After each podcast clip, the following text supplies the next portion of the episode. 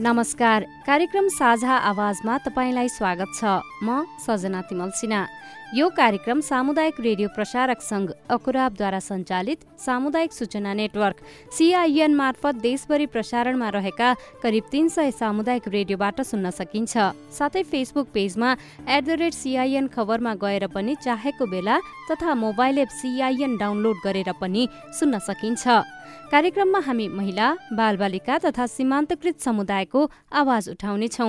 यो सँगै अरू विविध विषयमा पनि छलफल गर्नेछौ। आजको कार्यक्रममा हामी लैङ्गिक हिंसा विरुद्धको सोह्र दिने अभियान र राष्ट्रिय महिला आयोगको कामको विषयमा कुराकानी गर्नेछौं। लैङ्गिक हिंसा विरुद्धको सोह्र दिने अभियान चलिरहेको छ। अभियानको क्रममा देशभरि नै विभिन्न सचेतनामूलक कार्यक्रम भइरहेका छन् तर त्यही बीचमा पनि राष्ट्रिय महिला आयोगमा विभिन्न हिंसाका उजुरी लिएर महिलाहरू पुग्ने क्रम चलिरहेको छ। हिंसामा परेका महिलाहरू राष्ट्रिय महिला आयोगसम्म कसरी पुग्ने अनि उनीहरूको उजुरीको सम्बोधन आयोगले कसरी गर्छ भन्ने विषयमा आयोगका प्रवक्ता उपसचिव चमिला भट्टराईसँग कुराकानी गर्नेछौ। राष्ट्रिय महिला आयोग चाहिँ एउटा संवैधानिक आयोग हो। यो चाहिँ यसको स्थापना चाहिँ दुई हजार अन्ठाउन्न सालमा भएको हो। र दुई हजार बहत्तर सालको संविधान आएसँगै चाहिँ यो आयोग चाहिँ एउटा संवैधानिक आयोगको रूपमा मान्यता प्राप्त भयो। र दुई हजार सतहत्तर सालमा चाहिँ आयोगका पाँचैजना पदाधिकारीहरू आएपछि यो एउटा संवैधानिक आयोगको रूपमा स्थापित भएर यसले काम गरिरहेको छ। र यसको मुख्य काम भनेको सरकारलाई चाहिँ विभिन्न किसिमका महिला सम्बन्धी नीति कानुन बनाउन सिफारिस गर्ने। ती नीति कानुनहरू बना बना यस्ता नीति कानुनहरू बनाऊ भनेर सुझाव दिने अनि त्यसपछि त्यो नीति कानुनहरू बनाए बनेको नीति कानुनहरूको चाहिँ अनुगमन भयो कि भएन भनेर हेर्ने खबरदारी गर्ने अनि त्यसपछि महिलाका इस्युहरूमा चाहिँ जोडदार आवाज उठाउने एउटा त्यो कार्यक्रम भयो भने अर्को चाहिँ हाम्रो राष्ट्रिय महिला आयोगको मुख्य काम भनेको चाहिँ हाम्रो हिंसा पीडित घरेलु हिंसाबाट पीडित भएका महिलाहरूलाई चाहिँ हिंसाको हिंसा पीडित महिलाहरूलाई चाहिँ उनीहरूलाई हाम्रो हटलाइन सेवा मार्फत उजुरी लिने खबर गर एघार पैँतालिस हेल्पलाइन सेवा छ हाम्रो। त्यसबाट उजुरी लिने अनि त्यसपछि उहाँहरूको चाहिँ फोनबाट पनि उजुरी लिने अनलाइनबाट पनि लिने पीडित आफै आएर उजुरी दिन पनि सक्नुहुन्छ इमेलबाट पनि लिने अनि त्यसपछि चाहिँ एउटा के अरे छलफल गराउने अब कोबाट चाहिँ पीडित हुनुभएको छ त आफ्नो घरेलु सम्बन्ध भएको मानिससँग छलफल गराइसकेपछि उहाँहरूलाई साइको सोसियल काउन्सिलिङ गर्ने लिगल काउन्सिलिङ गर्ने अनि त्यसपछि कपल काउन्सिलिङ गर्ने जस्तो को पीडित आउनु भएको छ उहाँको अर्को पीडा दिने मान्छेलाई बोलाउने पटक पटक तिन चार पटक पाँच पटक पनि गर्छौँ अनि त्यसपछि केही गर्दा सोल्युसन आएन मिलापत्र गराउन सकिएन भने कानुनी सहायता दिने उहाँहरूलाई मुद्दा लड्न अदालतसम्म चाहिँ हामी फ्री लिगल एड प्रोभाइड गर्ने यस्तो गर्छौँ। कोही चाहिँ एकदम बिरामी भएर आउनुहुन्छ एकदमै कुटपिटबाट चोट लागेर घाइते भएर आउनुहुन्छ उहाँहरूलाई चाहिँ हामी हाम्रो हस्पिटलद्वारा सञ्चालित एकद्वार सङ्कट व्यवस्थापन प्रणाली ओसिएमसी छ त्यहाँ हामी रिफर गर्छौँ उहाँहरूलाई चाहिँ गर्छौँ। अब जस्तै हामीले रेप केस हेर्दैनौँ तर पनि हामी रेप रेपबाट पीडित महिला आउनुभयो भने जस्तो प्रहरी प्रहरी प्रशासनलाई चाहिँ उहाँको चाँडो अनुसन्धान गरिदिनुहोस् उहाँको के भएको गरिदिनुहोस् के भइरहेछ हामीलाई खबर गर्नुहोस् भनेर हामी फलोअप गर्ने चिठी गर्ने फोन गर्ने गर्छौँ र यसरी चाहिँ हामीले हाम्रा दिन प्रतिदिनका कामहरू गरिरहेका छौँ। महिला हिंसाका लैङ्गिक हिंसाका कस्ता कस्ता उजुरीहरू चाहिँ विशेष गरी आउने गरेका छन्?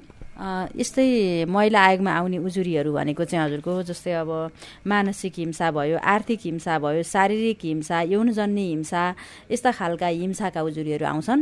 र यी उजुरीहरू आउँदाखेरि चाहिँ अब कस्तो भन्नुहुन्छ भने कसैलाई चाहिँ एकदम जस्तो अब मानसिक आर्थिक भनेको चाहिँ कोही मान्छे अब गरिब छ धनी फ्यामिलीमा बिहा गर भने उसले दाइजो ल्याउन सक्दैन है। तर पनि दाइजो ल्याएन भने उसलाई टर्चर दिने अनि त्यसपछि ल्या भनेर चाहिँ उसलाई दिने अनि त्यस्तै गरेर चाहिँ अब भनौँ न म्यारिटल रेप पनि हुन्छ कसैको अब। जस्तो उसलाई अब यौन हिंसा गर्ने अनि हो त्यस्तो खालको हिंसा आउँछन् ती चाहिँ एक दुईवटा प्रतिनिधिमूलक पात्रहरू मात्रै हुन्। त्यहाँबाट कस्तो कुरा जोडिएर आउनु आउँछ आउँछ भन्नुहुन्छ भने उसले चाहिँ हिंसा गर्न पाएन उसले भने जस्तो गर्न पाएन भने अब एउटा महिला बिहा भएर आएपछि उसलाई बिहा दर्ता गरिदिनुपर्छ नागरिकता बनाइदिनुपर्छ यो उसको दायित्व हुन्छ एउटा गर्ने पर्ने काम पनि नगरिदिएर उसले एउटा नागरिकता नभएको कारणले एउटा ब्याङ्क खाता खोल्न नपाउने इभन एउटा सिम कार्ड पनि झिक्न नपाउने त्यस्ता खालका महिलाहरू पनि आउँछन्। बच्चा जन्मिन्छ बच्चाको जन्म दर्ता नगरिदिने अझ यो मेरो श्रीमती नै होइन भनेर पनि भनिदिने यो मेरो बच्चै होइन पनि भनिदिने बच्चा पाउन लागेको छ कहाँ छोडेर भागेर हिँडिदिने महिलाहरूलाई चाहिँ यस्तो यस्तो किसिमको पीडा छ र यस्तै खालका घटना आउँछन्। अनि अहिले यो पछिल्लो समय लिभ इन रिलेसनसिपको आउँछन् धेरै। लिभ इन रिलेसनसिप चाहिँ अब बस्ने सँगै दुई चार वर्ष मिलेर बस्ने अनि अब के कुरामा विषयमा झगडा पर्छ उनीहरूको मिल्दैन। अनि अब उसले मलाई बिहा गर्छु भनेको थियो गरेन यस्तो यस्तो भनेर आउने। अब कस्तो भने लिभ इन रिलेसनसिप सम्बन्धी न कानुन बनेको छ न कुनै व्यवस्था छ। हामीले उहाँहरूलाई त कुनै किसिमको हेल्प पनि गर्न सक्दैनौँ साँच्चै भनौँ भने। उहाँलाई ल नि त लिगल एडको लागि जानु नि त भन्न पनि सक्दैनौँ। काउन्सिलिङ गर्ने तपाईँहरू मिलेर बस्नुहोस्। तपाईँहरूले कसैले त अर्काको श्रीमानसँग अर्का अर्काको श्रीमती गइदिने अनम्यारिडको त कुरै छाडौँ म्यारिडले पनि त्यस्तो गरिदिने। त्यस्तो त्यस्तो खालको पनि आउँछ। अनि त्यसपछि गएर अब कस्तो भने कोही कोही त माइतीबाटै पीडित भएको पनि आउनुहुन्छ। बिहा नगरी बस्नुभएको हुन्छ माइतीबाट अंश माग्न खोज्नुहुन्छ माइतीले नदिने त्यस्तो खालको पनि आउनुहुन्छ। विभिन्न किसिमको घटनाहरू यहाँ आउने गर्छन्। विशेष गरी जुन एघार पैँतालिस भन्नुभयो यो नम्बरमा धेरै फोन आउँछ अथवा व्यक्ति आफै आयोगसम्म उजुरी लिएर आउनुहुन्छ। यो चाहिँ एघार पैँतालिसमा हामीले जस्तो देशैभरि हामी कार्यक्रम लिएर जाँदा हाम्रो खबर गरौँ एघार पैँतालिस छ। यहाँहरूले फोन गर्न सक्नुहुन्छ। आफ्नो छर छिमेकीबाट पनि यो छिमेकीमा यस्तो घटना भयो भने अर्को छिमेकीले फोन गरिदिन पनि सक्छ भनेर हामीले एउटा प्रचार प्रसार पनि गरिरहेका हुन्छौँ। अनि त्यसपछि फोनबाट पनि धेरै आउँछ। अब मान्छेलाई यस्तो हुन्छ काठमाडौँमा केन्द्रमा मात्र राष्ट्रिय महिला आयोग छ।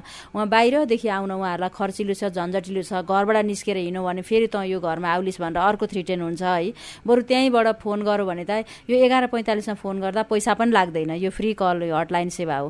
अनि फोन गर्नुहुन्छ उजुरी पाउनुहुन्छ म त्यहाँ आउने अवस्थामा पनि छैन। म मेरो श्रीमानसँग बस्न पनि सक्दिनँ मेरो परिवारसँग बस्न पनि सक्दिनँ। तर मलाई हजुर मलाई यस्तो खालको मुद्दा गर्न मन छ। हजुरलाई लिगल एड प्रोभाइड गर्नु पऱ्यो भन्नु भयो भने हामी सतहत्तरै जिल्लाको नेपाल बार एसोसिएसनसँग हामीले सम्झौता गरेका छौँ। उहाँहरूलाई हामीले फलानु मानिसलाई चाहिँ लिगल एड प्रोभाइड गरिदिनु हुन भनेर यहाँबाट लेख्ने बित्तिकै त्यहीँ गएर उहाँले कानुनी सहायता लिन सक्नुहुन्छ। र त्यहीँबाट आफ्नो कामलाई अगाडि बढाउनुहुन्छ। अब काउन्सिलिङ माग्नुभयो भने हामीले फोनबाटै साइको सोसियल लिगल काउन्सिलिङ दिन्छौँ र अब कपाल काउन्सिलिङ गर्नु पर्यो भने चाहिँ उहाँहरू यहीँ आउनुपर्ने हुन्छ। त्यसरी दुवैजनालाई फोनमा काउन्सिलिङ चाहिँ गर्ने गरेको छैन। यसरी व्यक्ति अनुसार जो हिंसामा पर्नु भएको छ मलाई कानुनी परामर्श चाहियो अथवा मनोसामाजिक परामर्श चाहियो अथवा केही भनेर उहाँहरूले नै माग गर्ने हो अथवा कस्तो प्रकारको हिंसा भएको हो कस्तो खाले यसको जवाफ दिनुपर्छ के उपाय हुन सक्छ भनेर आयोगले नै ठम्याइ गरेर त्यही अनुसार दिने हो। उहाँहरू आइसकेपछि उहाँहरूको प्रब्लम सुनाउनुहुन्छ। सुनाएपछि अब हामी सिधै केस गर्नु यसरी मिल तपाईँहरू नमिल्नु भन्ने त हाम्रो हुँदैन। अन्तिम घडीसम्म हामी मिलाउनैपट्टि लाग्छौँ। नमिल्ने भइसकेपछि तपाईँलाई यो पनि अप्सन छ यो गर्नुहुन्छ त तपाईँलाई यो गर्नुहुन्छ यो गर्नुहुन्छ यो गर्दा तपाईँलाई यसरी राम्रो हुन्छ भनेर हामी राम्रो राम्रो उपाय बताउँदै जाँदा उहाँहरूले यो गर्छु भन्ने खालको एउटा सोल्युसनमा पुग्नुहुन्छ। कोही चाहिँ मलाई जे गर्दा राम्रो हुन्छ त्यही भनिदिनु पनि भन्नुहुन्छ। उहाँहरूले कति कति बुझ्नु पनि भएको हुँदैन। अनि हामीले उहाँहरूलाई के गर्दा हुन्छ भन्ने किसिमको अब कोही एकदम सम्पन्न हुन्छन् सम्पत्ति भएका हुन्छन् केही नदिने क्या एकदम खाना बस्न पनि दुःख गर्ने पनि दुःख दिने पनि हुन्छन् उहाँहरूलाई बोलाएर तपाईँले मिनिमम यति दिनुपर्छ उसको पनि राइट छ उसले अदालतमा मुद्दा लड्यो भने पनि उसले यति पाउँछ। तपाईँले किन नदिराख्नु भएको छ? के भोलि तपाईँलाई सबै अदालततिर गएर आफ्नो बेजेती हुन्छ भनेर सम्झाइ बुझाइ गर्दाखेरि दिइराखेको अवस्था पनि छ र धेरैजना खुसी भएर मिलेर पनि जानुभएको छ। यो कारणले हाम्रो ठम्याइ भन्दा पनि उहाँहरूले आफ्नो कुराहरू भनेपछि उहाँहरूलाई यो गर्नुपर्ने रहेछ। यो गर्दा यस्तो हुन्छ भनेर हामी कुरासहित भनिदिएपछि उहाँहरूले चाहिँ एउटा सोल्युसन निकाल्नुहुन्छ। प्राय गरी व्यक्ति नै आएर उजुरी दिन पनि सक्ने भए एघार पैँतालिस नम्बरमा फोन गरेर पनि सक्ने भए। विशेष गरी अहिले त सङ्घीय सरकार छ सात प्रदेश छ। कुन क्षेत्रबाट चाहिँ कुन प्रदेशबाट चाहिँ धेरै उजुरी आउँछ? यो पनि एकदमै महत्त्वपूर्ण क्वेसन गर्नुभयो। विशेष गरेर तराई क्षेत्रमा चाहिँ दाइजो तर दुई नम्बर प्रदेशबाट चाहिँ दाइजो नल्याएको न्युमा धेरै उजुरीहरू आउने गर्छन्। अनि त्यसपछि म त अझै भन्छु यो सुदूरपश्चिम उतातिर भन्दा अलिक कम उजुरी आएको देखिन्छ। हाम्रो डाटाले त्यही कुरा देखाइरहेको हुन्छ। यो काठमाडौँ भेल्लीमा अत्यन्त बढी उजुरी आउने। अब भेल्ली हो जनसङ्ख्या पनि एकदम जनसङ्ख्याको चाप पनि बढी छ है। त्यो कारणले गर्दा त्यस्तो पाइयो। जस्तै म यहाँलाई एउटा सानो डाटा पनि प्रस्तुत गर्न चाहन्छु। हाम्रो मैले यो एक साउन दुई हजार उनासीदेखि कार्तिक तिस भनेको अब हाम्रो मङ्सिरको त मङ्सिर महिना कम्प्लिट भएपछि आउँछ यो कार्तिकसम्मको डाटामा। अब साउनमा जस्तो तपाईँको घरेलु हिंसाको उजुरी एका एक सय एक्काइसवटा पऱ्यो भने महिला हिंसाका नौवटा पऱ्यो जम्मा एक सय तिसवटा उजुरी पऱ्यो होइन?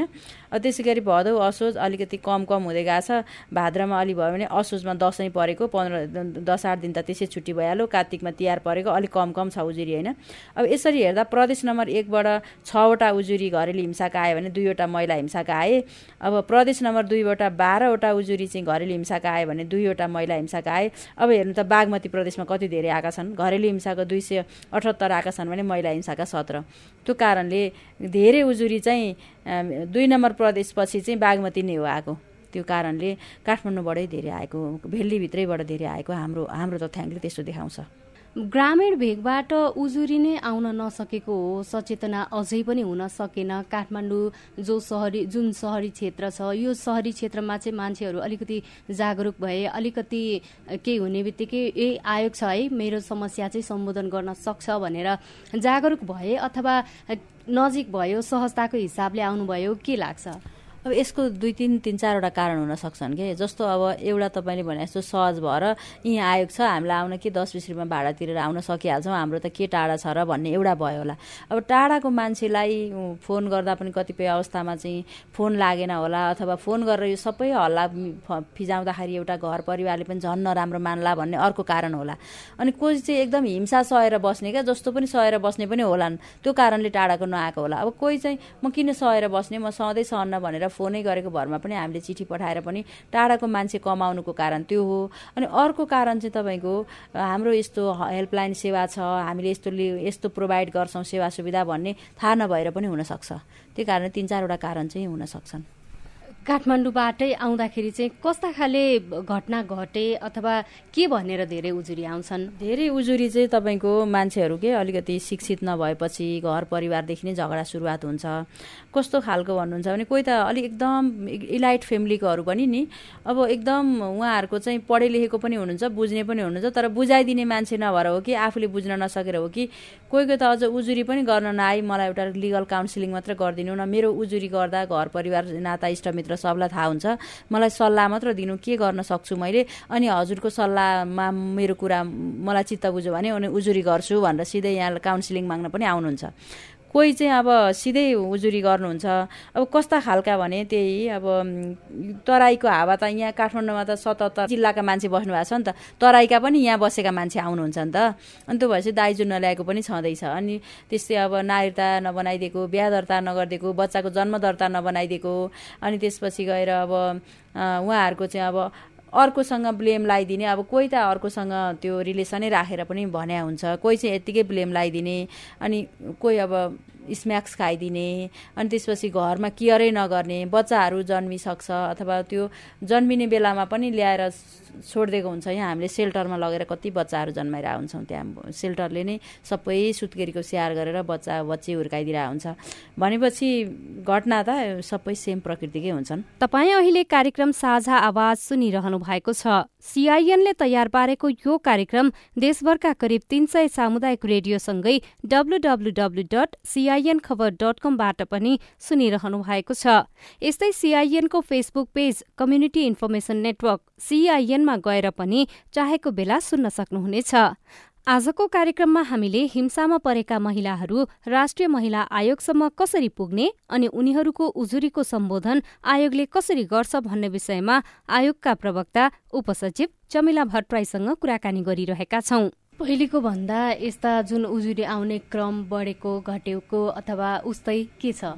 पहिलेको यो जुन यो पेन्डामिकको टाइममा एकदमै बढी उजुरीहरू आएका हुन् त्यो तुलनामा अहिले घटेको तर घटेको भनेर घट्ने क्रम चाहिँ छ नै तर पनि त्यसरी टोटल घटेको पनि होइन तर सुधारात्मक अवस्था चाहिँ हो पहिलेको भन्दा। अहिले लैङ्गिक हिंसा विरुद्धको सोह्र दिने अभियान पनि चलिरहेको छ।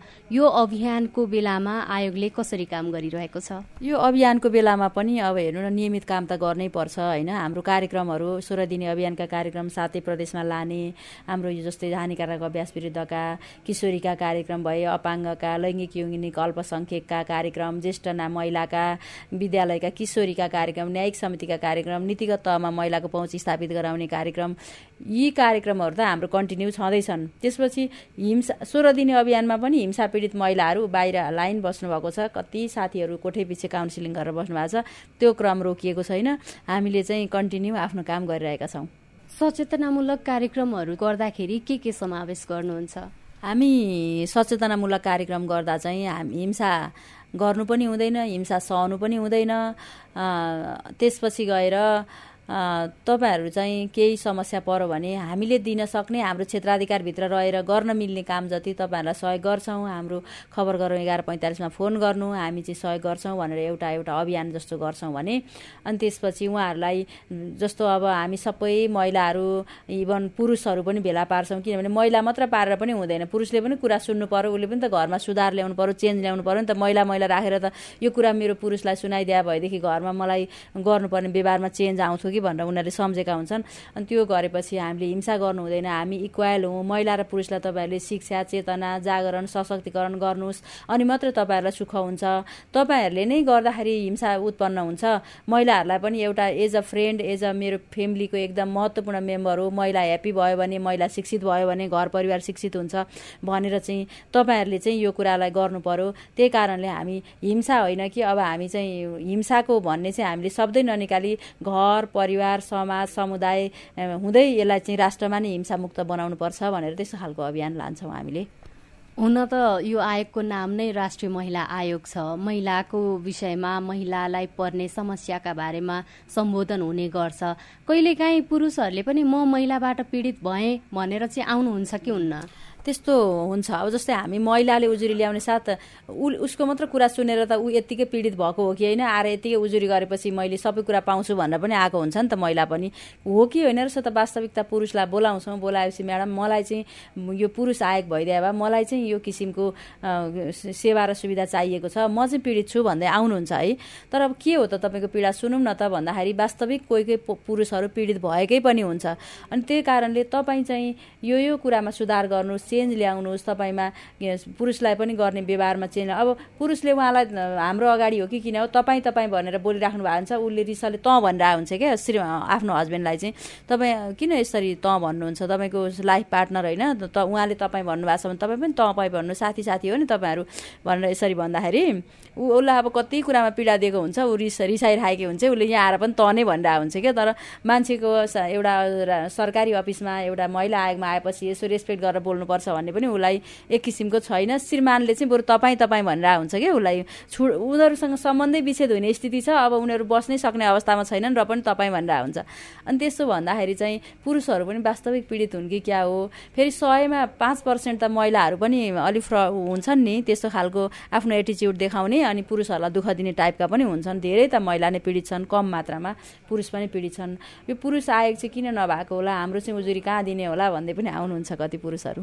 नेपालमा लैङ्गिक हिंसा विरुद्धका कस्ता कस्ता घटना हुन्छन् भनेर त तपाईँले अघि नै भनिसक्नु भएको छ होइन?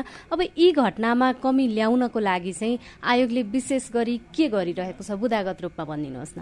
यो कमी ल्याउन चाहिँ हामी जस्तै अब महिलाको मात्र कुरा सुन्दैनौँ पुरुषलाई ल्याउँछौँ काउन्सिलिङ गर्छौँ। तपाईँहरूले अब महिलाका यस्ता कानुन छन् यस्ता नीति बनेका छन् यी कानुनहरू लाग्छ तपाईँहरूले महिलालाई यसरी हेप्नुभयो भने जस्तो भनौँ न अहिले मैले उदाहरण दिएँ नि तपाईँले नागरिकता बनाइदिनु भयो भने भएन भने म श्रीमान श्रीमती हुँ नाता कायम गरी पाऊँ भनेर ऊ अदालत गई भने अथवा उसको चाहिँ नागरिकता चाहिँ बन्नमा कुनै बाधा छैन। तपाईँको बिहा गरेको होइन भनेर चारजना मान्छेले पनि त्यहाँ बोल्नु पर्दा एउटा साँची बकपत्र गराउँदा पनि बोलिदिन्छन्। तर तपाईँले सजिलैसँग दिनुहोस् यो मुद्दा मामिला जान नपरोस् भनेर हामीले यहाँ बोलाएर तपाईँलाई यो गरेको हो नि त।